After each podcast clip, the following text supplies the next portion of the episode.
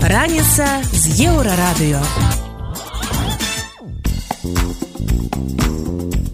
Добрай раніцы вітаем вас на еўрарадыё Пачынаем праграму раніца з еўрарадыё штодзённае шоу пра важныя падзеі якія ўплываюць на жыццё беларусаў галоўнае на гэты момант. У ваенкаматы будуць выклікаць па смс. Яшчэ адзін крок да вайны? Лукашэнкі ёсць вось пэўныя асабліва дрэнныя рэчы. Ён рыхтуецца да найгоршага. Ну ён гэта прынамсі не выключае у дадатак да чарнобыля другую беларускую аэс могуць пабудаваць на палесе огромное число людей, то есть жители вот всех этих населенных пунктов вокруг, получают небольшое дополнительное облучение. Ці здольныя беларусы на ўзброеную змену рэжыму. Былі бойкі на Уменску на цэнтральных скверах сутыкнення ёсць здымкі, як беларусы даволі радыкальна і жорстка сутыкаліся з так званымі праваахоўнымі органамі. Падрабязнасці неўзабаве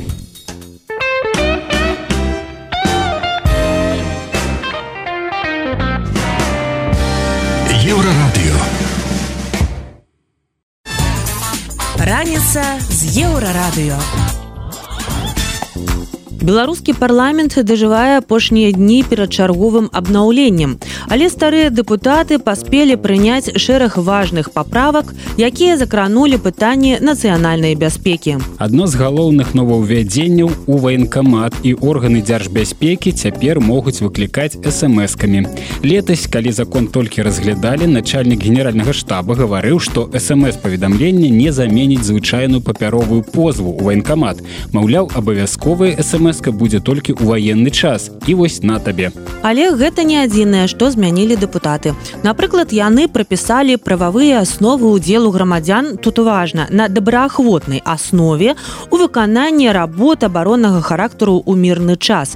А ваенныя камісары атрымалі права абмяжоўваць выезд за мяжу грамадзян якія ухіляюцца ад прызыву на вайсковую службу Увогуле гэтыя змены не сталі нечаканымі. Іх анансавалі раней, але на фоне пагрозлівых заяў лукашэнкі яго нарад з вайскоўцамі такія законы выглядаюць як адзін вялікі план. Няўжо план падрыхтоўкі да вайны. У эфіры проекта свабода прэміум пра гэта разважае гісторык Александр Фрыдман. Лукашэнкі ёсць вось пэўныя асабліва дрэнныя рэчы. Ён рыхтуецца да найгоршага. Ну ён гэта прынамсі не выключае і тут жа трэба што яшчэ мець на увазе. Ну замежных літараў ну не знойдзеш такого які столькі шмат часу праводзіў з пуціным і так шмат з пуціным размаўляў і каля вось пасля калі пасля вось таких размоваў з пуціным адбываецца нешта такое ну тут прыходзіцца канешне задумывацца Ну і пэўная роспач лукашэнкі яна яна відавочная. Я думаю что ён сапраўды не хоча войны не таму что ён такі гуманіст конечно ніякі ён не гуманіст. Ён просто ведае якія гэтая вайна можа мець фатальныя наступствы і для беларусі але перш за ўсё для для яго рэжыма. То бок грунт для магчымай войны рэжым усё ж рыхтуе і хаця відавочна яе ніхто не хоча нейкіх дыпламатычных захадаў з тым жа нато не робіцца. Бо альбо страшна альбо што хутчэй не дазваляе Москва раніца з еўрарадыё. Далей у праграме раніца з еўрарадыё. У дадатак да Чарнобыля другую беларускую АЭС могуць пабудаваць на палесе. Огромное число людей, то есть жители вот всех этих населенных пунктов вокруг, получают небольшое дополнительное облучение. Ці здольныя беларусы на ўзброеную змену рэжыму. Былі бойкі на Уменску на цэнтральных скверах сутыкнення ёсць здымкі, як беларусы даволі радыкальна і жорстка сутыкаліся з так званымі праваахоўнымі органамі падрабязнасці хутка. Не пераключайцеся раніца з еўрарадыё пакуль энергетыкі і чыноўнікі ламаюць галаву куды запіхнуць лішкі электраэнергіі з любімага проекта лукашэнкі беларускай атамнай станцыі той ужо пачаў услых марыць пра новую аэс Цяпер у размову ўключылася расійская кампанія расатам. Яе гендырэктар выступіў заявай, што кампанія гатовая пабудаваць у Беларусі яшчэ одну станцыю. Па яго словах у якасці пляцоўкі разглядаюць поўдзень беларусі канкрэтных месцаў не агучваецца але факт застаецца фактам АС збіраюцца ўзвесці ў рэгіёне які і так пацярпеў ад радыяцыі Праўда, і ўлады і сам расатам у адзін голас заяўляюць, што іх станцыі абсалютна бяспечныя для людзей і наваколля, а аварыі на іх проста немагчымыя. Вось толькі ў рэальнасці ўсё не так прыгожа. Нават па афіцыйных звестках, якія публікуюць самі атамшчыкі, доза апраменьвання, якую атрымліваюць жыхары суседніх з Белаэс вёсак, за два гады яе працы вырасла амаль у два разы. Вось як тлумачыць гэты працэс фізікатамшчык Андрей Ажароўскі. Что такое коллективная доза? Огромное число людей, то есть жители вот всех этих населенных пунктов вокруг, получают небольшое дополнительное облучение. И для кого-то из них именно это станет спусковым крючком для начала развития тяжелых заболеваний, в том числе онкологических. Поскольку мы говорим про Беларусь, часть из них могут уже быть пострадавшими от последствий Чернобыля, и для них вот это небольшое дополнительное облучение в рамках, еще я скажу, разрешенных норм э, может стать э, проблемой, огромной проблемой. И еще раз, Конечно, это в рамках разрешенных норм. Но давайте посмотрим, в какой форме, что именно стало причиной роста облучения людей. Газоаэрозольный выброс. Люди вдыхают радиоактивные аэрозоли с воздухом, аэрозоль оседает в легких, і чалавек аблучаецца ізнутрі. Пра тое, якія наступствы для здароўя можа мець нават невялікае, але пастаяннае апраменьванне у эфіры проекта Маланка медыа рассказывает доктор Алексей Носов. Первое – это факторы внешней среды. Начнем с них. Э, и в Беларуси, по сути дела, очень важное значение имеет радиационный фон, в принципе. Первое, что реагирует на всплеск радиационного фона, я имею в виду на выброс новых гамма и бета-частиц, это все-таки щитовидная железа. То есть, если это онкология щитовидной железы, то значит где-то радиация блеснула, то есть или где-то могильник строится, или где-то еще что-то происходит. Э, заболевание кожи тоже, соответственно. То есть э, первый барьер в наш организм это кожа, и, соответственно, если идет бомбардировка какая-то альфа-частицами, в частности, то кожи, кожные заболевания проявляются намного чаще. То бок небяспечных атамных станцый папросту не бывае і будаваць яшчэ адну ў рэгіёне, дзе і так людзі атрымліваюць павышаную дозу радыяцыі ўжо больш за 30 гадоў, мякка кажучы, не самае лепшае рашэнне. Раніца з еўрарадыё. Далей у праграме раніца з еўрарадыё. Ці здольныя беларусы на ўзброеную змену рэжыму? Былі бойкі на уменску на цэнтральных скверах сутыкнення ёсць здымкі як беларусы даволі радыкальна і жорстка сутыкаліся з так званымі праваахоўнымі органамі. Працягнем неўзабаве. Раніца з еўрарадыё На мінулых выходных лукашенко ізноў выкарыстаў выбарчы участак як пляцоўку для сваіх нечаканых у двукосе заяў і паабяцаў пайсці на выбары 2025 года. Але нягледзячы на даволі агрэсіўны тон сенсацыі гэтым ён не зрабіў. Праўда думкі што кіраўнік беларусі можа хаця б часткова рэалізаваць свае колішнія абяцанні і перайсці на новую пасаду старшыні ўсе беларускага сходу узнікалі ў экспертным асяроддзі у байку што лукашенко наеў з'явіўся прэзідэнцтва сапраўды можна было паверыць. Каб адказаць на гэтае пытанне яшчэ паразважаць пра рэальныя сцэнары яго сыходу у эфір да рэдактары еўрарадыё з метра лукашука завітаў доктар паліталагічных навук павел усаў. Мы дарэчы же абмяркоўвалі на апошніх на апошняй нашай сустрэчы вы задавалі гэтае пытанне спасылаючыся там на беларускіх іншых аналітыкаў якія казалі што гэта апошні ягоны электаральны перыяд што далей ён напэўна не пойдзе. Я заўсёды яшчэ раз паўтаруся казаў пра тое што такія сістэмы якая выбудаваная у беларусі яны функцыянуюць да моманту фізычнага існавання дыктатара. І ад самага пачатку як толькі лукашенко прыйшоў да ўлады памятаце ягоныя афарызмы выказванні я прыйшоў сур'ёз і надоўга там. -huh насамрэч Беларусь сталася закладніцай з аднаго боку дыктатуры лукашэнкускай а з іншага боку для лукашенко улада і жыццё гэта адное і пакуль ён жыве і заўсёды под гэта пра гэта падкрэсліваю ён будзе утрымліваць уладу ў сваіх руках і сыходзіць некуды не не будзе. Нават уводзячы нейкія такія маніпулятыўныя інстытуты як старшыня прэзідыума усебеларускага сходу і гэта было асноўнае асноўнай прычынай чаму некаторыя беларускія аналітыкі меркавалі што лукашенко сыдзе з пасады прэзідэнта перайдзе на сінекуру накшталт таго што адбылося ў Казахстане з назарбаевым на пасаду старшыні і такім чынам адбудзецца нейкі транзіт для лукашенко любы заўгодна які заводна транзіт пры якім ён не мае магчымасці кіраваць краіны гэта самагубства. І тыя хто на сур'ёзна займаліся вывучэннем ну не толькі толькі кейса беларусі палітычным сэнсе у паліталагічным сэнсе а іншыя кейсы звязаныя з дыктатарскімі рэжымамі ёсць толькі дзве прычыны па якіх адбываюцца змены. Першая гэта рэвалюцыя другая гэта смерть дыктатара. У беларусі у спробы праз рэвалюцыю электаральную былі змяніць лукашенко але яны не дасягалі поспеху. І я кажуць 106 год там 10 20 год.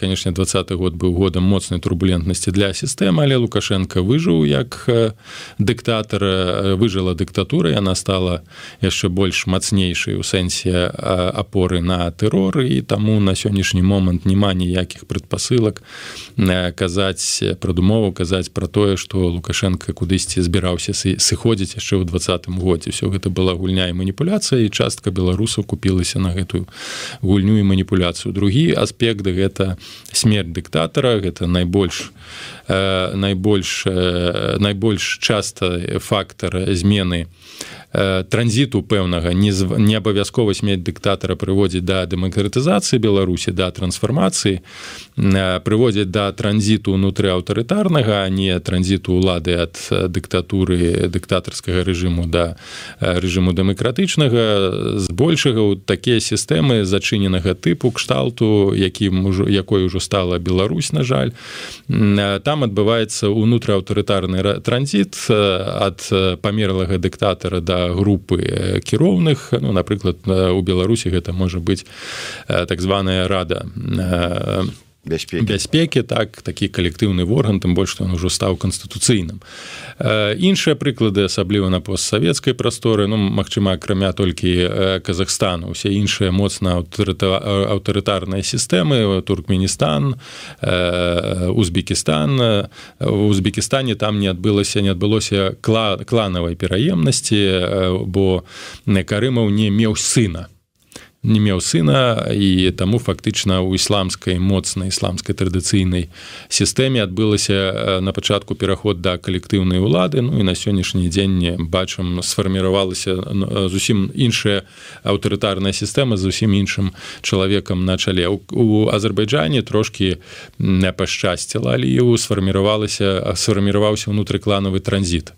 ад аліева бацькі да ільхама аліева які на апошніх выбарах прэзідэнцкіх калі я не памыляюся набраў хіба 97соткаў на галасоў бок лукашенко ёсць яшчэ куды імкнуцца у беларусе таксама верагодна два калі мы ўжо кажам пра вось гэтае рашэнне два умоўна аўтарытарных транзіта калі не адбудзецца Э, капітальных э, тэктанічных зменаў наших рэгі уже нашым рэгіёне распад рассеі напрыклад і гэта ўжо стварае зусім іншыя умовы для нават унутры аўтарытарнага транзіту у нашай перспектыве напрыклад калі мы будзем разглядаць перспектыву 5 гадоў пасля 25 -го году э, ну лукашенко старэя хварэя можа наступіць вось раптоўная смерць это заўсёды бывае два магчымых унутры аўтарытарных транзітах гэта пераняццё Э, э,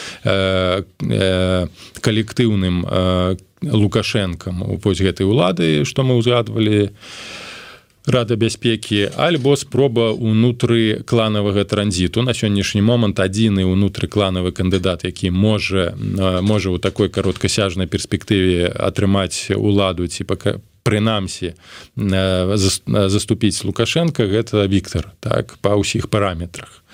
Э, для лукашенко персанальна вельмі важна эмацыйна гэта відавочна было б вельмі важным каб Ніколай э, лукашенко ягоны малодшы сын менавіта э, прыняў у спадак прыняў наследства Беларусь як уласную імперыю лукашенко унутраную но але для гэтага неабходна каб лукашенко як мінімум яшчэ 10 год пракіраваў краіны то бок да 35 -го году. Я не упэўнены ў тым что ресурсаў у у лукашэнкаўскай дыктатуры дастаткова каб на такі велізарны тэрмін захаваць у стабільнасці сістэму калі яна не будзе ў межах такой агульнай таталітарнай сістэмы неорасійскай таталітарнай сістэмы але гэта ўжо іншыя сцэнары. Вось на сённяшні момант таких ключовых два. І безумоўна лукашэнку 25 годзе пойдзе на выбары. Я лічу што ён напіша сабе знову 85 а то і 90 соткаў гэта будзе той самы варыянт які адбыўся ў азербайджане. Там не было апозіцыйных кандыдатаў увогуле. Вось мы нарысавалі 92 не прабачце я не не, не адсочыў гэтыя выбары нават не ведаю колькі там было ці былі ўвогуле кандыдаты. Таксама фактарам вельмі важным будзе вынік выбараў у рассіі там Пуін атрымае таксама каля 80 з нечым галасоў. І на гэта азіраючыся лукашенко будзе рысаваць сабе вынікі думаю што адсоткаў 80 ён сабе знову нарысуе ну, бачите моя узгадка гумарыста міжнародніка Анатоля глаза прымусіла відаць і наших гледачоў тут таксама паспрабаваць сябе ў гэтым кірунку жартаваць. Вот хеджигер піша Я думаю рашэнне лукашэнкі ісці на перавыбары вызвана фразай чалага ў перадачы ноч чалам лукашенко любіць ісці на перакор дэмакратычным сілам. Гэта як гісторыя з цярновым кустом про кроліка і брат Аліса. Ну можа быть і такое. ну, калі мы тут кажам я не бачу увогуле ніякіх паказчыкаў таго што лукашенко не збіраўся нават пасля два -го году ісці на выбару я не ведаю на чым базаваліся аргументы часткі экспертаў адносна таго што лукашенко не будзе абірацца ў 25 годзе. Вось гэтага не разумееш Ну наколькі наколькі я памятаю вось менавіта того что ён не будзе ў 25 годзе не пойдзе на выборы толькі Сергей чалы сказаў згаданы мной Ігор тышкевич ён казаў что наступны ось свой тэрмін лукашенко не дабудзе до конца. Так ён сказаў то есть ён выберется нібыта и перабярэцца але 5 гадоў ужо не дасядзіць до конца ну, есть гэта э, мы можем это прагназаваць. Яшчэ раскажу что здароўе э, стрэсы могуць згуляць сваю ролю але факт того что ён яшчэ ў двадцатым годзе конкретно ясно сказаў что не сыдзе нікуды пакуль жыве. А калі я не памыляюся э, памятаце пасля канфронтацыі з расійскім амбасадарам пасля 2008 году калі лукашенко дакаралі ў тым што ён не падтрымаў рассею не прызнаў абхазію асетую его спыталіся ён сабе збіраецца сыходзіць он сказаў што будзе адстрэльвацца да апошняй кулі в аўтамаце будзе бараніць сваю ўладу вось мяне здзіўляе што наша экспертская грамадская думка на неяк абыходзіць вось такія рэчы і з гэтага по на жаль фарміруецца памылковая стратэгія памылковыя падыходы ў тым як змагацца з дыктатуры калі б у нашай дэмакратычнай супольнасці была яснасць ад самага пачатку нават там двадцаты год што мы змагаемся з жорсткай крывавай тыраніяй і што кветачкамі балонікамі гэтага не пераламаць бо супраць сістэмы это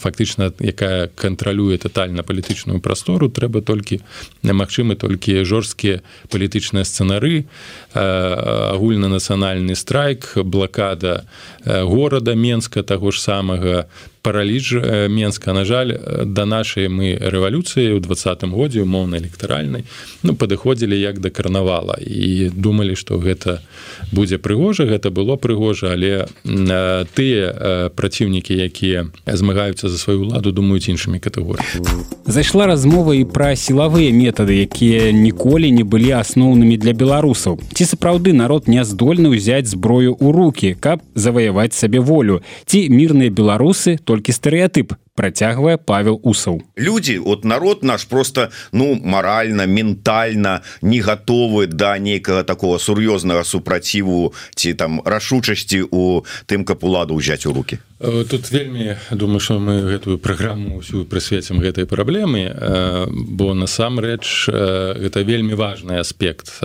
звязаны з аднаго боку з ментальнасцю беларусаў як гэта кажуць а з іншага боку з магчымасцю арганізаваць нешта кшталту рэвалюцыі аля таго што мы побачылі напрыклад ва ўкраіне ці напрыклад той же грузі ў збілісі напрыканцы 80-х гадоў калі фактычна ў тбілісе давілі таксама таксама танкамі э, саветы пратэстоўцаў что э, тычыцца ментальнасці я э, ніколі не прыймаў той тэзіс что беларусы памяркоўныя что ў беларусаў няма рэвалюцыйнай энергіі пасіянарнасці калі б гэта было б так то па-першае лукашенко ніколі б не прыйшоў да ўлады У беларусі б ніколі не было такога жорсткага аўтарытарнага рэжыму які будуецца і базуецца на тых жа беларусах на той же жорсткасці. Амапаўцы ссошнікі карпенковы э, усе тыя людзі якія тапілі ў крыві ў двадцатым годзе беларускую рэвалюцыю гэта ўсё умоўна у беларусы то бок людзі якія нарадзіліся ў беларусі якія выхаваліся ў беларусі якія выхоўваліся ў беларускіх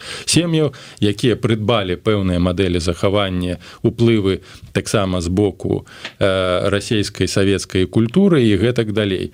Гэтая агрэсія так званая палітычная агрэсія яна і не палітычная агрэсія ў беларусаў дастаткова вялікая як у кожным грамадстве беларусы не з'яўляюцца анёламі як э, насельніцтва як як як супольнасць палітычная. Яна таксама радыкальная яна таксама жорстка ў беларусі столькі ж злачынцаў столькі гвалтаў у дачыненні да дзяцей у дачыненні да жанчын. І нават у Э, тыя наши шаноўныя э, спадарыні якія займаюцца праблемам э, праблемамі гвалту у сем'ях тая ж ольга гарбунова. Это яна падкрэслівае яшчэ що гэта велізарная праблема адкуль гэтая агрэсія бярэцца.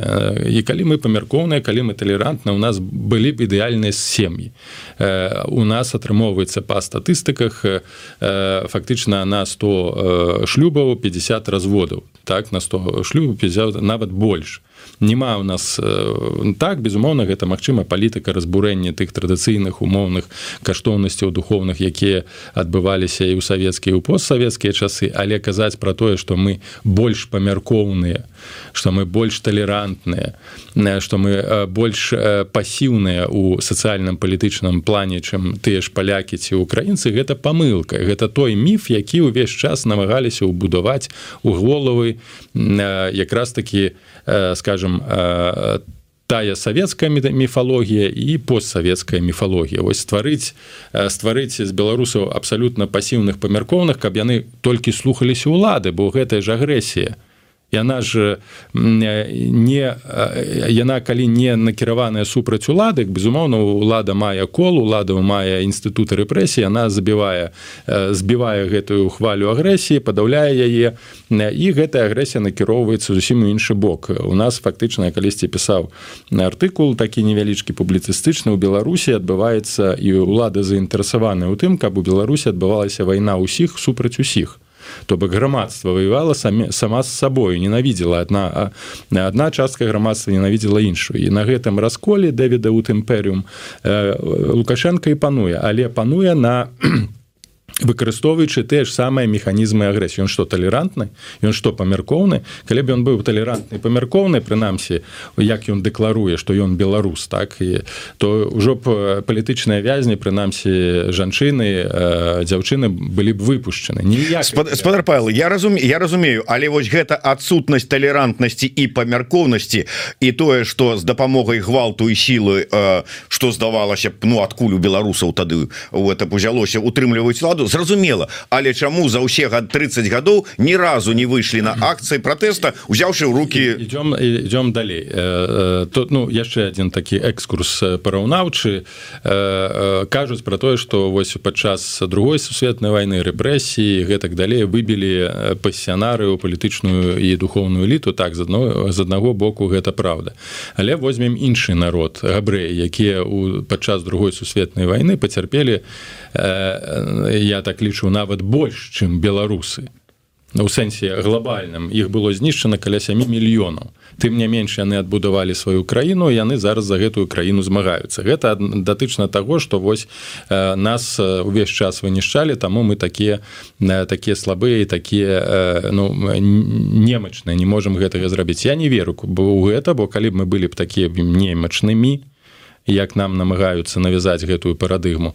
Э, Беларусь бы не была б незалежнай яна б не стварылася як краіна не стала б незалежнай э, у 91 годзе бо выключна будуючыся на пасіянарыях беларускіх можна было б збуда можна было збудаваць гэтую незалежнасць гэтую дзяржаўнасці гэта было зроблена.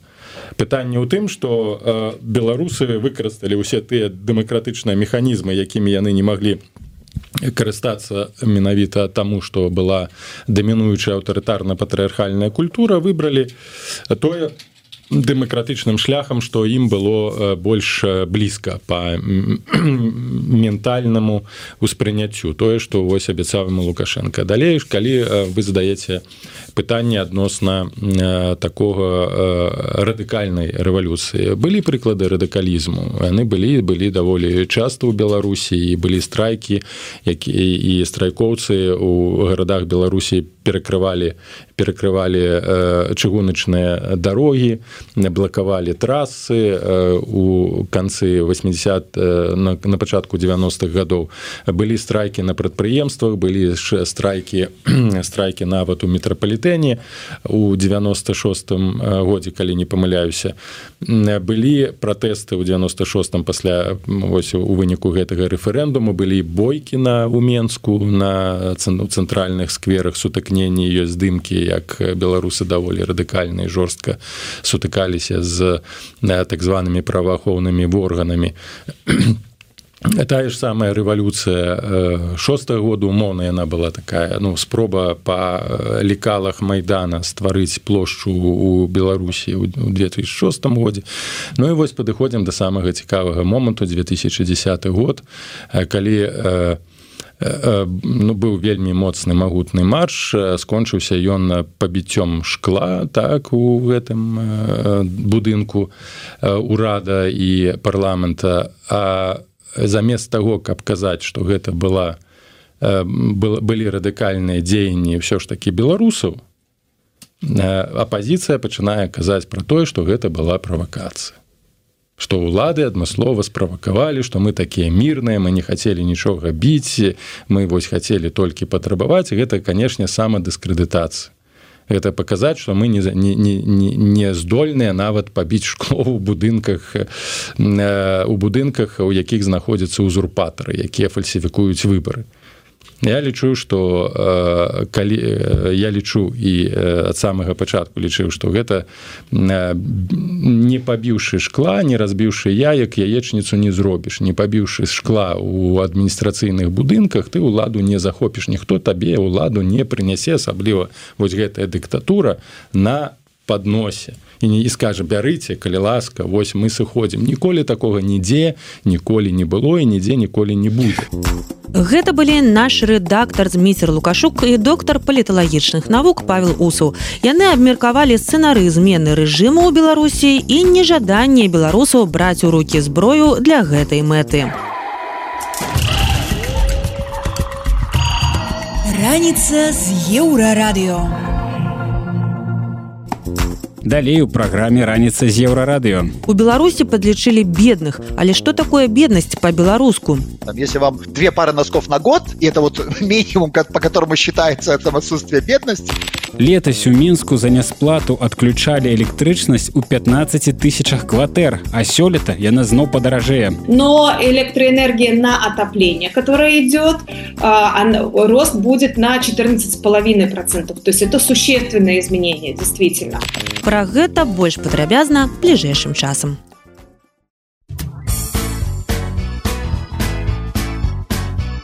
раніца з еўрарадыё Thank you.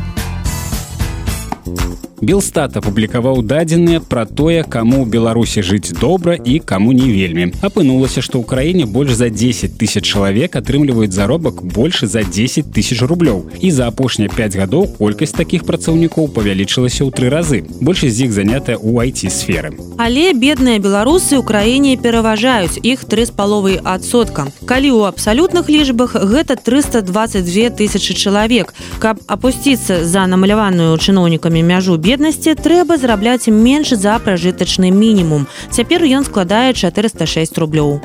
Статысты таксама прывялі звесткі і па рэгіёнах. Найбольшы паказчык беднасці на магілёўшчыне 5соткаў насельніцтва, найменшы ў мінску 1 адсотак, на берасцейшчыне 4,9 процентных пунктаў. Эканаміст Ярослаў Раманчук для проекта «Обычное утро» тлумачыць, што гэтыя лічбы ў параўнанні з краінамі захаду выглядаюць вельмі прыстойна. Але папярэджвае, што разуменне беднасці ў ЕС и Беларусі моцна адрозніваецца. Брать Европейский Союз или развитые страны.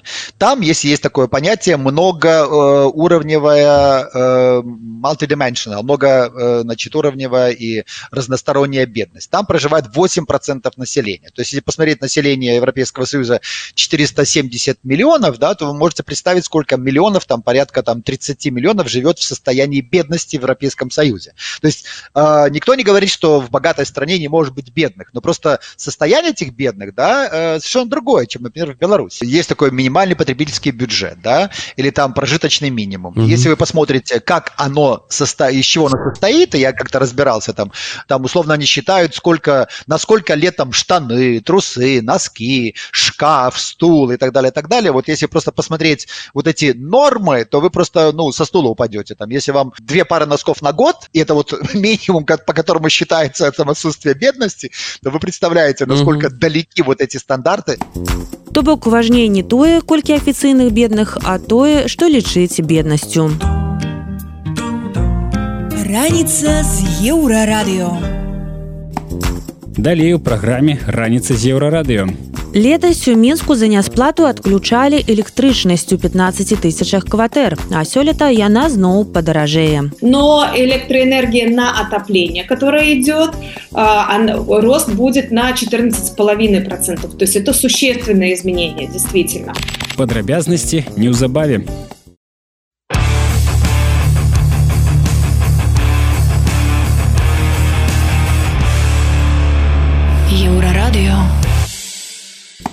Пакуль Белстат рапартуе пра нізкую беднасць, а Лукашенко марыць пра новую АС і абяцае бясплатную электраэнергію, у мінску летась за нясплату паслуг ЖКГ электрычнасць адключалі ў амаль 15 тысячах кватэр. Адключалі і ваду, але не так часта ўсяго ў 2900 кватэрах. А яшчэ ў 31 праз даўгі людзі жылі без дамафона. Увогуле камунальшчыкі кажуць, што з неплацельшчыкамі яны цяпер змагаюцца не толькі адключэннем паслуг. У іх таксама ёсць магчымасць праз суд дабіцца арышту фінансаў і маёмасці. А калі гаспадары не плацяць за кватэру больш за паўгода, камунальнікі могуць хадайнічаць аб арышце жылля.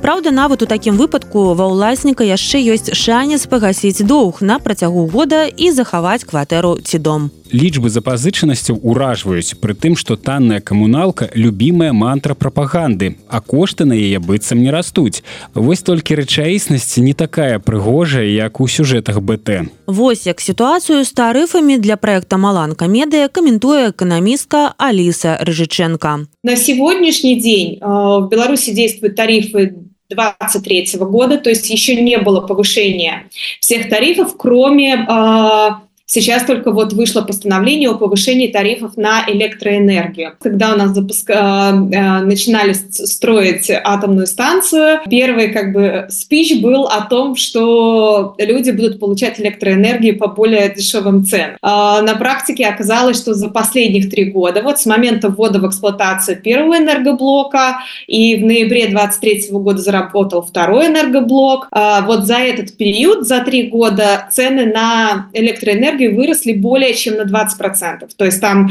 а, в зависимости от того, на что используется эта электроэнергия, потому что там есть разные тарифы на отопление, на просто электроэнергию во время, там, в дневное время, в ночное время, то есть они ну, как бы дифференцируются, эти тарифы. И вот в среднем э, рост произошел 20-23% прирост за последних три года.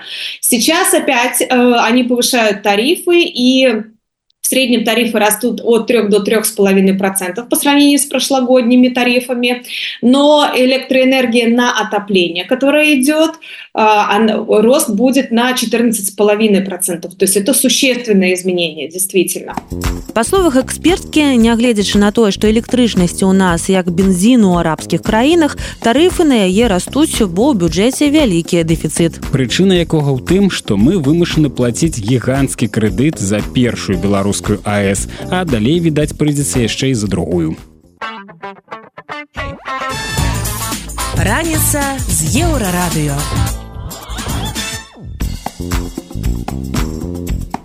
Вяртаемся на еўрарадыё і працягваем ранішні эфір вы па-ранейшаму слухаеце раніцу з еўрарадыё. Інфармацыйнае шоу пра важныя падзеі якімі жывуць беларусы і іншы свет. І вось што цікавага мы распавядзем далей. З чым звязаны рост анкалагічных захворванняў у беларусі? Уважайте работу врачей и берегите их их у вас мало осталось. У якіх умовах у беларускіх турмах утрымліваюцца людзі з другой групай інваліднасці? Если человек это пирует да, то ну, там такое понятие как медицинское нет як прапаганда маніпулюе вашими сумневамі? Я же сверился я живу там почитал и там почитал и там почитал. Все разные. Про гэтае ды іншае больш падрабязна цягам бліжэйшай гадзіны. Раніца з еўрарадыё У беларусі фіксуецца рост колькасці анкалагічных захворванняў. Зніжэнне назіралася ў 2020 годзе але ўжо з 21 года тэмпы роста хваробы значна павялічыліся. І паводле папярэдніх падлікаў летась анкалогія дыягнаставана ў больш як 56 тысяч беларусаў. Праблема апынулася настолькі актуальнай што пра яе пачалі разважаць не толькі незалежныя але нават і пра дзяржаўныя медыя Вось толькі што правакуе такі ўсплёск захворвання стрэс радыяцыйны фон ці недахоп лекараў у бальніцах праблему для выдання маланка медыя каментуе ўрач алексей носаў по поводу э, всплеска онкологических заболеваний было бы конечно интересно посмотреть на выборку какие конкретно заболевания э, каких органов и систем потому что важны э, определенное количество определенное количество факторов влияет на каждую из э, онкологических патологий. Э, всплеск, в общем, э, именно этой патологии э, зависит все-таки от того, что приходит извне в человеческий организм. То есть э, определенного, определенного характера питания, на котором мы остановимся чуть-чуть попозже. Факторы внешней среды и наши вредные привычки, по сути дела.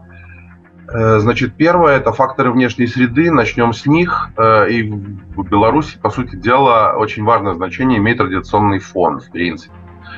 Первое, что реагирует на всплеск радиационного фона, я имею в виду на выброс новых гамма и бета-частиц, это все-таки щитовидная железа. То есть, если это онкология щитовидной железы, то значит где-то радиация блеснула. То есть, или где-то могильник строится, или где-то еще что-то происходит.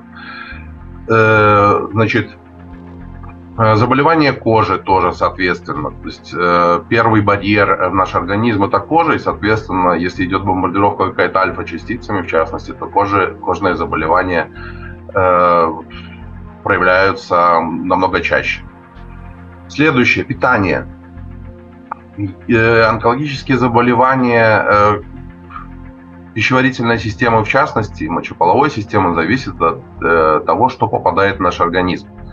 Э, в частности, я хочу остановиться сейчас на, к сожалению, грибах, потому что я обожаю грибной суп, и вообще грибы это прекрасно, но тем не менее э, грибы являются очень серьезным накопителем э, тяжелых металлов радиоактивных, которые остаются очень-очень-очень-очень долго по сравнению даже с человеческой жизнью. Соответственно, э, если вы съели эти грибы, э, тяжелые металлы попали к вам в кишечник, и там продолжают излучать э, гамма-лучи. Соответственно, возможность мутации клеток эпителия, который нормально подвергается мутациям, в разы выше. Я не говорю, что не стоит есть грибы, но просто есть, во-первых, определенные зоны, во-вторых, есть проверка. Вы можете проверить любой продукт, который вы употребляете перед тем, как его употреблять. Дыхательная система связана с тем, что попадает в наш организм, в частности, тяжелые частицы, пыль э, у людей, у которых довольно большое количество пыли в квартире, соответственно, тяжелые металлы находятся там, это все вдыхается, и в легких оно находится точно так же, в кишечнике, вызывая мутации.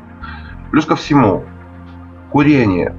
Э, и дело даже не в табакокурении, по сути дела, дело в том, какие продукты используются при получении э, современных сигарет. Если вас не затруднит, посмотрите в Ютубе, есть соответствующее видео, там и аммиак, и вообще химические продукты серьезные потребляются. То есть от табака, по сути дела, там остается только сам каркас, грубо говоря. Э, и мало того, в Беларуси, в частности, есть еще два аспекта. Во-первых, дешевизна продуктов химических, которые используются, э, и отсутствие каких-нибудь ну, скажем, гуман, э, какого-либо гуманного отношения к людям, которые будут его употреблять. И второе, и самое главное, э, ради чего я призываю, вот в частности, отказаться от курения, это то, что, э, во-первых, вся прибыль от курения в Беларуси идет на поддержание режима. И, соответственно, если вы бросите курить, поверьте, вы уже в этот момент начнете с ним борьбу. Э, и это не простые слова, не голословно. Вы сами посмотрите, кому принадлежит табачная промышленность э, в Беларуси, и вы поймете, э, что к чему. И сократите риск многих заболеваний, не только онкологических, связанных с органами дыхания. Я не говорю бросай курить, вставай на лыжи, но повторяю, тот табак, который вы курите, это не табак, это химический продукт. Посмотрите, как он делается просто. И второе, не забывайте о том, что эти деньги идут на, на пытки, идут на э, уничтожение экономики, идут на личное обогащение и поддержание страны или содержание страны в страхе. Пасля чарнобыльскай катастрофы ў беларусі склалася моцная школа медыкаў анколагаў якая за апошнія гады амаль знікла праз выезд спецыялістаў за мяжу таксама на пагаршэнне дыягностыкі і эфектыўнасць лячэння ўплываюць праблемы з пастаўкай у Беларусь замежнага абсталявання і лекаў. Гэта вынік санкцый супраць рэжыму лукашэнкі. Як працуе напрамак прафілактыкі ракавых захворванняў у краіне ва ўмовах рэпрэсій і вайны распавядае Алексей Носаў. Объясню, почему в Беларуси одна из лучших в мире школ онкологии. Потому что, э, грубо говоря, был большой испытательный полигон после Чернобыля, очень большой всплеск онкологических заболеваний. Э, и, соответственно, естественно, методом пробы ошибок э, наладились определенные схемы лечения, э, приобрелись определенные знания и опыт врачами, и, соответственно, очень серьезный уровень у людей, которые начинали работать именно в то время и проработали в то время. Многие из них, естественно, сейчас работают на Западе на очень серьезных позициях, и очень, это очень уважаемые люди, поверьте. Всплеск э, онкологических заболеваний, соответственно, можно сказать, будет ли ухудшаться ситуация с этой проблемой или нет, э, по тому, как мы определимся с причиной, почему это э, происходит. То есть в данный момент, если, например, кто-то возьмется за исследование определенного радиационного фона, если кто-то займется ну, какой-то статистикой определенного рода, что э, вредные привычки, не знаю. Ну, то есть, грубо говоря, медицинская статистика. Э, собрать анамнез у больных, у тех, у которых вновь появилась эта онкология, чтобы приблизительно верифицировать. Это большой труд, этим можно заниматься, по сути дела. Э, но, естественно, вот на данный момент, вот, вот именно вот в этот момент как раз-таки скажется нехватка медицинских, медицинских кадров. Во-первых, которые знают, как это сделать очень быстро и эффективно. И, во-вторых, ну, как бы вообще в принципе количество людей. Потому что если ты принимаешь 100-120 человек в день на приеме, тебе там уже не до выборки по сути дела. Хочется, не снимая ботинок, просто лечь спать и, и, и принять душ, тоже не снимая ботинок, грубо говоря. По поводу нехватки лекарств для онкологических больных могу сказать, что да, это проблема, и эта проблема серьезная, и проблема не будет решена. Так что э, я рекомендую людям, у которых уже у которых будут перебои, которые могут прогнозировать перебои, озаботиться каким-то образом допустим, о поставках из других стран в частном порядке. Я понимаю, что это ну, не совсем то, что как бы э, должен рекомендовать э, человек, но тем не менее это то, что надо сделать, по сути дела. Тесты – это простой метод э, распознавания аномальных клеток. Если это специализированный тест, то э, вы можете с, точ... с, с большой вероятностью, с большой точностью знать, в каком органе и системе находится злокачественная опухоль. Соответственно, мочеполовая система, почки, простата, очень много тестов э, специализированных. Э, если вы вдруг решили сделать просто тест на онкологию, он показал онкологию, вот здесь очень важно, очень важно э, не получить так называемую э, канцерофобию. Это когда все, у человека заканчивается жизнь, он бьется головой о стену, никто у него найти не может ничего, во-первых, в данном случае стоит для начала сделать специализированные тесты, чтобы узнать приблизительно хоть где это все находится, а потом уже начать непосредственно онкопоиск. Для этого вот, вот найти уже непосредственно опухоль не, состав, не, не составит большого труда. Э, вылечить это совсем другое дело.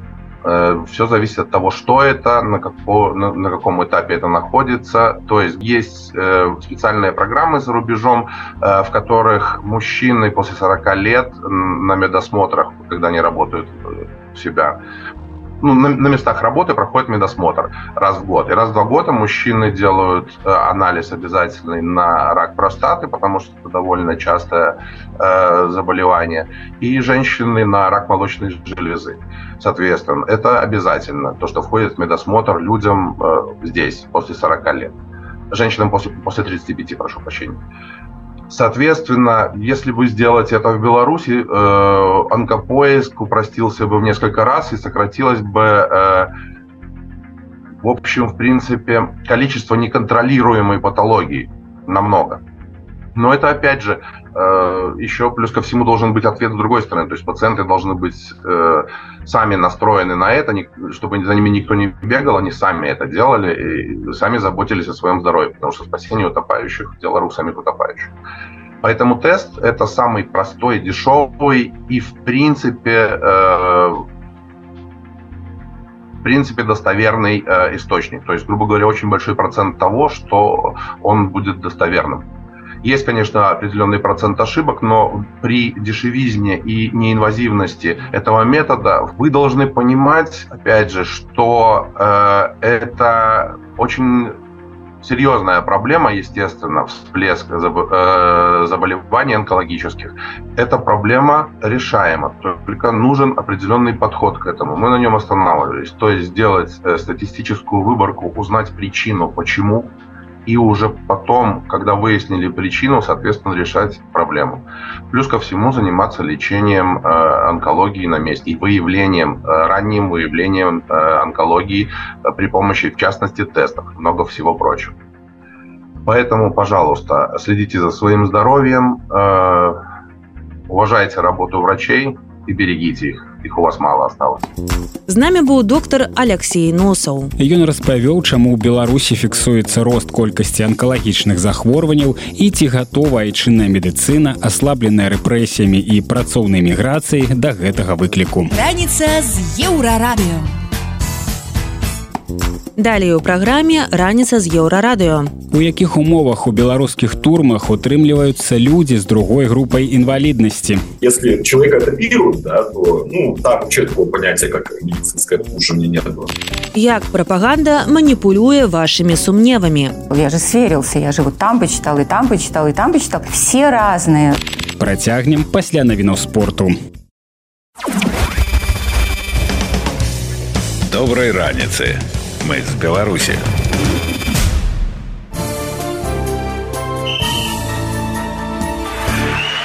на еўрарадыё навіны спорту.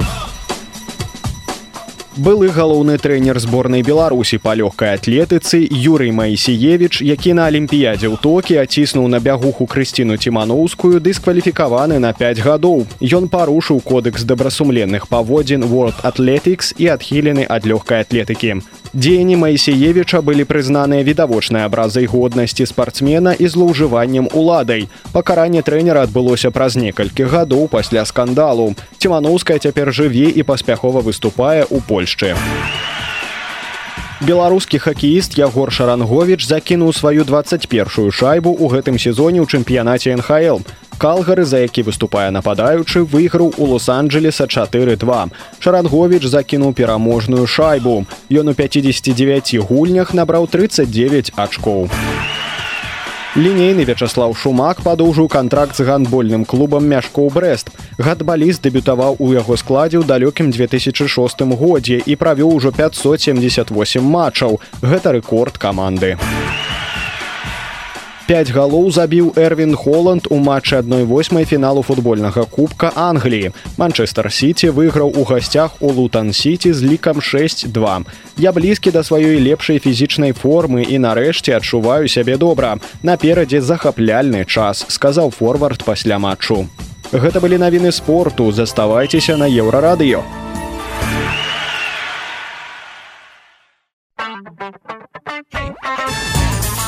Раніца з еўрарадыё.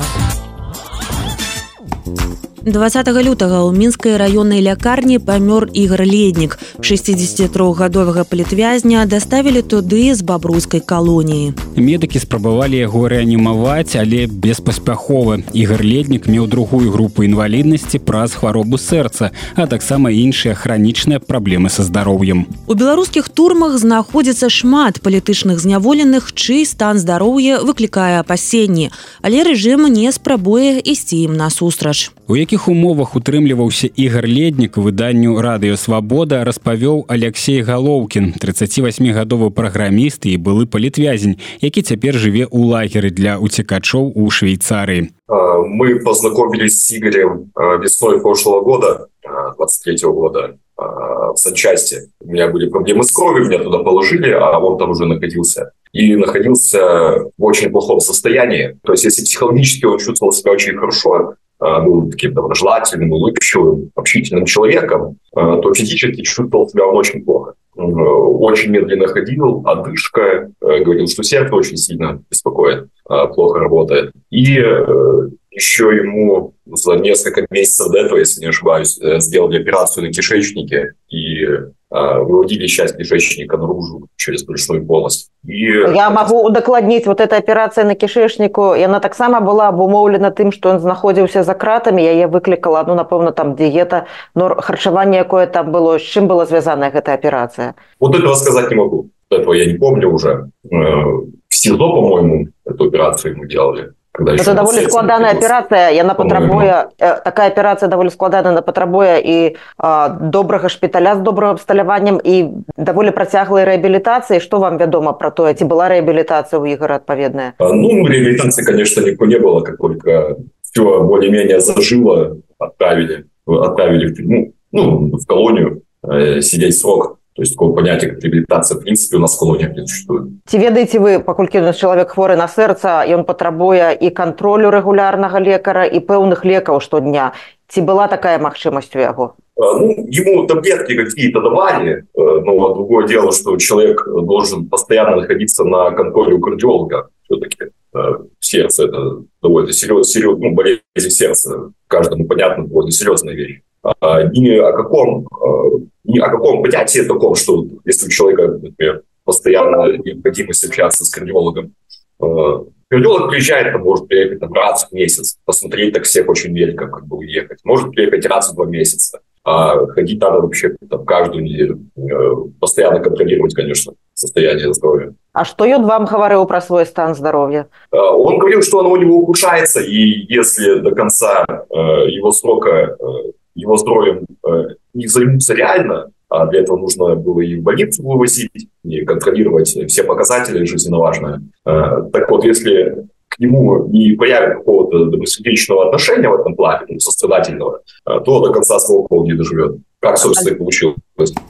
Як і ігор леднік Алексей галоўкін мае другую групу інваліднасці мужчыну затрымалі ў снежні 2020 а праз год суддзя Дмітрый кедаль асудзіў яго за каментары да трох гадоў калоніі Прычым суддзя быў у курсе што у Алексея другая група інваліднасці ён хварэе на гемафілію Алексей галоўкін працягвае распавядаць як з яго хваробай магчыма жыць за кратамі конечно я знал как бы мой адвокат основное, на что делал упор, это то, что у меня наличие вторая группа инвалидности.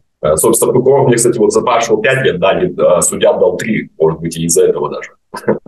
Вот. Но вообще сама по себе болезнь смягчающим обстоятельством не является. Ну, то есть вот если открыть вот уголовный кодекс, да, уголовно-процессуальный, или где там это написано, там нету такого понятия, что если ты болеешь, то, значит, тебе, э, тебя могут как-то заменить на что-то твой срок. Ну, то есть не садить в колонию, там, на, на какой-нибудь домашний арест. Э, то есть, ну, надо уже действительно быть при смерти, там, иметь четвертую степень рака, например, какой А все остальное как бы болезнями не считается на самом деле. Что означает для человека, які хворы на гемофілію, знаходжанне за кратамі? Я так разумею, что ну, вот любая рана, якую вы можете атрымаць, может дрэнна для вас кончыцца. Я не професійна ведаю, я не лекар гэтую хваробу, але ну паводле тых звестак, якія у меня ёсць, расскажите, калі ласка, якая небяспека з такой хваробай у зняволенні? Uh, ну, дело в том, что да, сидеть, конечно, с несвертываемостью крови не очень приятно что кровоточивость высокая, а, то наручники одевают, в таскают, от этого гематомы здоровые, мебель вся железная, да, вот эти кровати тесно, постоянно что-нибудь ударяешься, от этого синяки начинаются а чтобы помощь получить, а это не всегда ты ее получишь. Э, поэтому, да, не советую туда с ними попадать. И если человека этапируют, да, то, ну, там вообще такого понятия, как медицинское обслуживание нет. Если в этапе что-то случится, то ну, надо молиться больше не. И ці патрабавалі вы штодзённага прыёму лекаў з гэтай хваробай ці, ці была такая магчымасць у вас іх атрымліваць калі гэта так э, ну мне нужно делать уколы но не каждый день раз в неделю, раз в 10 дней, раз в месяц. Ну, я сам себе делаю по самочувствию. То есть, а, вот. А, если брать, ну так, если в двух сказать, если брать СИЗО, у меня как бы претензии, я не могу сказать, что там было плохо. Ну, в этом плане. Каждый раз, когда я говорил, что мне надо уколоться, врач приходил практически мгновенно. Ну, сразу проблем не было. В колонии все было совершенно по-другому. Надо э, записаться на прием, должно пройти какое-то определенное время, потому что прием не каждый день, а два раза в неделю. Э, пока там этого приема дождешься, это как бы все это дело там болит, да, там, потому что кровоизлияние, если происходит там куда-нибудь, там, неприятное место, там, сустав, например, ну, это не очень приятно. Ну вот. А по приходу туда может оказаться, что те уколы, которые закончились, а новых они не привезли, и, собственно, за два месяца до освобождения, где-то за два, около того, а, мне сказали, что ты уже скоро домой пойдешь, поэтому ну какие уже уколы, терпи, лечиться будешь дома. И два месяца вообще не кололся, что как бы не принято медицинскими, медицинскими инструкциями. Мы слухали Алексея Галоўкіна, былога палітзняволенага з інваліднасцю ад цяпер палітуцікача. Мужчына распавёў пра памерлага за кратамі палітвязня Ігора Ледніка і патлумачыў, як жывуць за кратамі людзі з другой групай інваліднасці. Раніца з еўрарадыё. Далей у праграме раніца з еўрарадыё. Як прапаганда маніпулюе вашымі сумневамі. Я же сверился, я же вот там почитал, и там почитал, и там почитал. Все разные. Працягнем пасля навінаў шоу-бізу.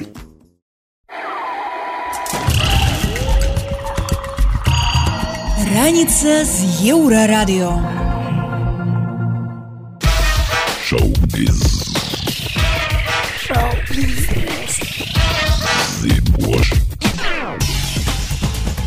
Навіны шоу-бізу на еўрарадыё. Пад канец мінулага года беларускія музыкі зладзілі вялікі канцэрт у варшаве.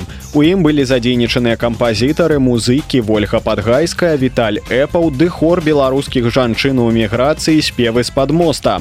Дарэчы, калектыў узначальвае салістка гурта шума Руся.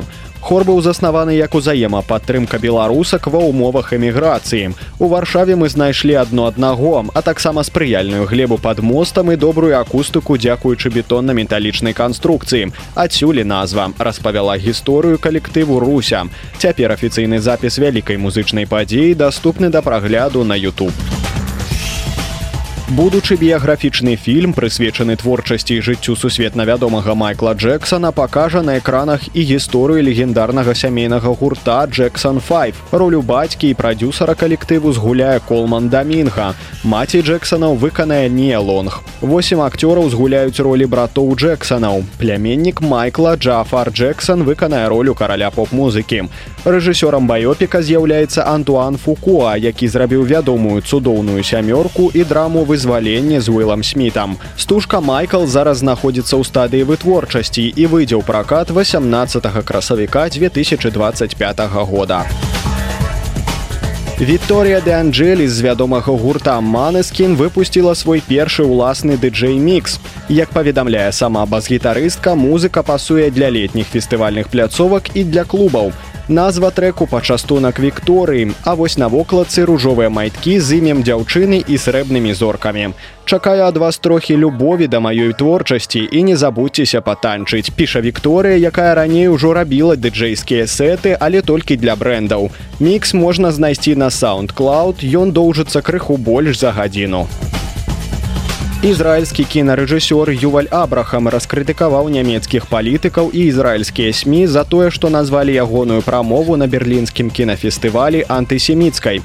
Абрахам, які ўваходзіць у каманду творцаў дакументальнага фільма няма іншай зямлі, атрымаў пагрозы смерці. Падчас фестывалю ён выказаўся за роўнасць паміж ізраільцянамі і палістынцамі і канец апартыіду. Берліналі сутыкнуўся з крытыкай за дазвол палітычных заяваў падчас цырымоніі. Абрахам і яго калега рэжысёр Базель Адра таксама заклікалі да спынення агню ў газе і дэакупацыі заходняга берага. Гэта былі навіны шоу-бізу, заставайцеся на еўрарадыё.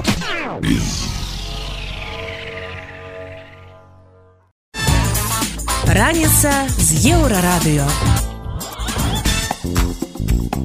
Усё не так відавочна, праўда, недзе пасярэдзіне. Складаная сітуацыя патрабуе глыбокага аналізу. Менавіта такія ідэі транслюе гледачам і чытачам беларуская і расійская прапаганды. Іх мэта простая маніпуляваць грамадскім меркаваннем і заблытаць спажыўцоў навін, каб немагчыма было адрозніць хлусню рэжыма ад сапраўдных фактаў такі прапагандысцкі прыём медыйшчыкі называюць таксічным сумневам. Ім часта карыстаюцца прадзяржаўныя сМ і блогеры з абедзвюх краін. Як не звар'яцець ад навінаў і адрозніць праўду ад выдумкі. Журналістка Надзея Белахвосцік дае свае парады на YouTube-канале MediaIQ. Сама эта фраза, она возникла где-то в 2014 году, когда события в Крыму были. В одном из комментариев вот оно прозвучало – не все так однозначно. Самое жуткое ее проявление было, когда вот события, трагические события в Буче. А там-то было все однозначно. Там было как бы... Всему миру было известно, что произошло.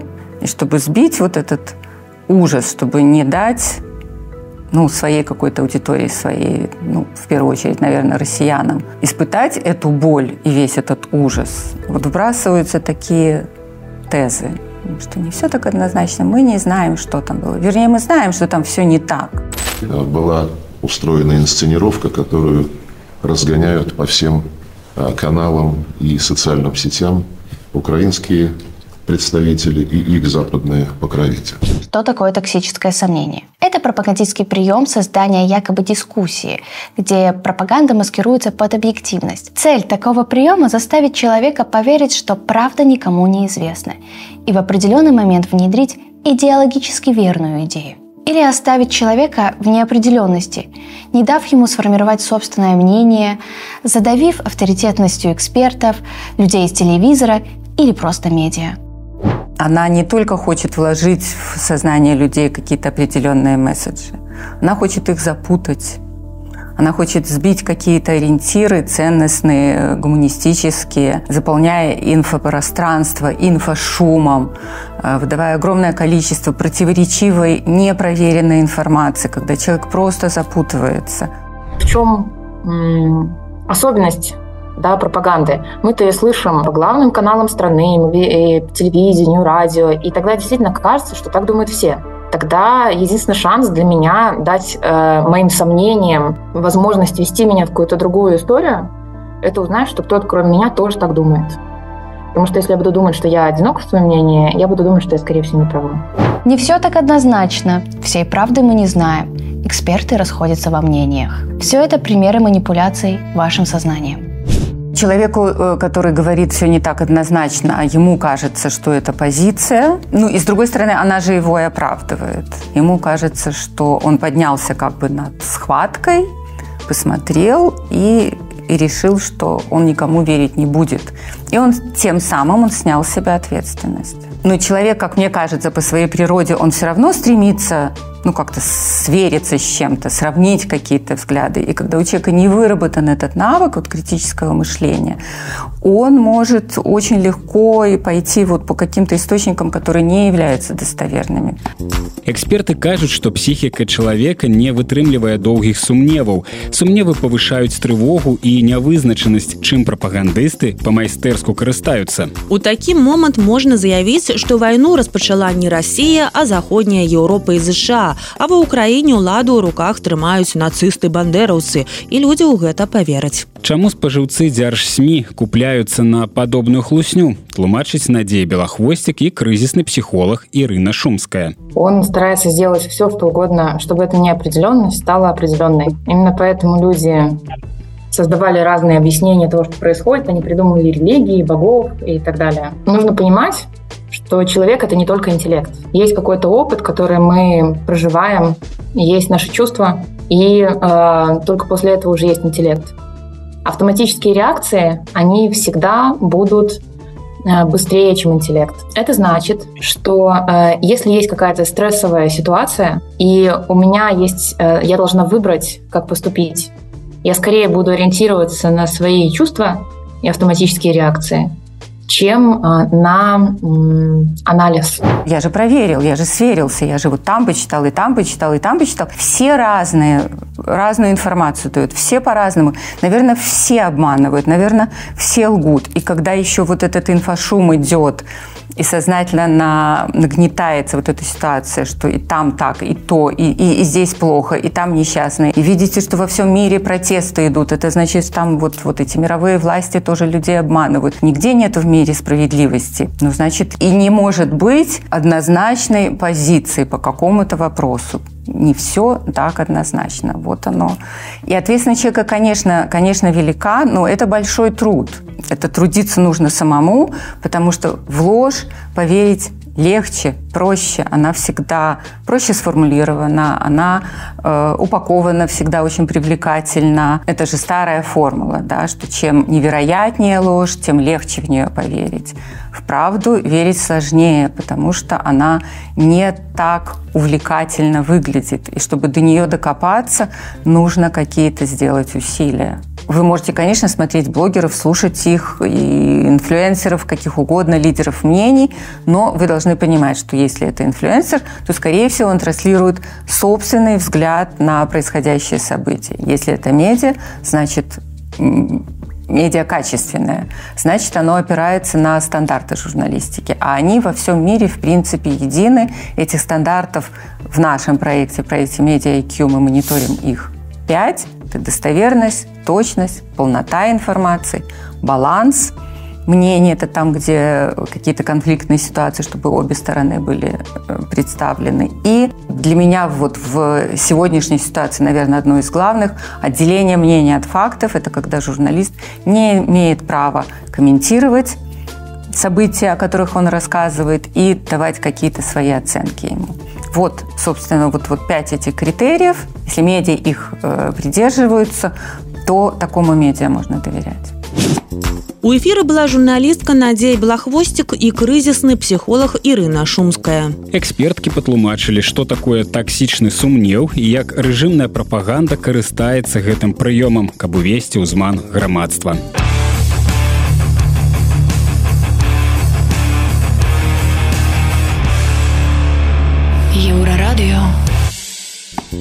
Гэта былі самыя важныя навіны сэнсы раніцы з еўрарадыё. Заўтра ранка мы зноў распавядзем вам пра галоўнае, што адбываецца ў краіне і свеце. Сустракаемся ў той жа час у тым жа месцы. Беражыце сябе. Пачуемся. Раніца з еўрарадыё.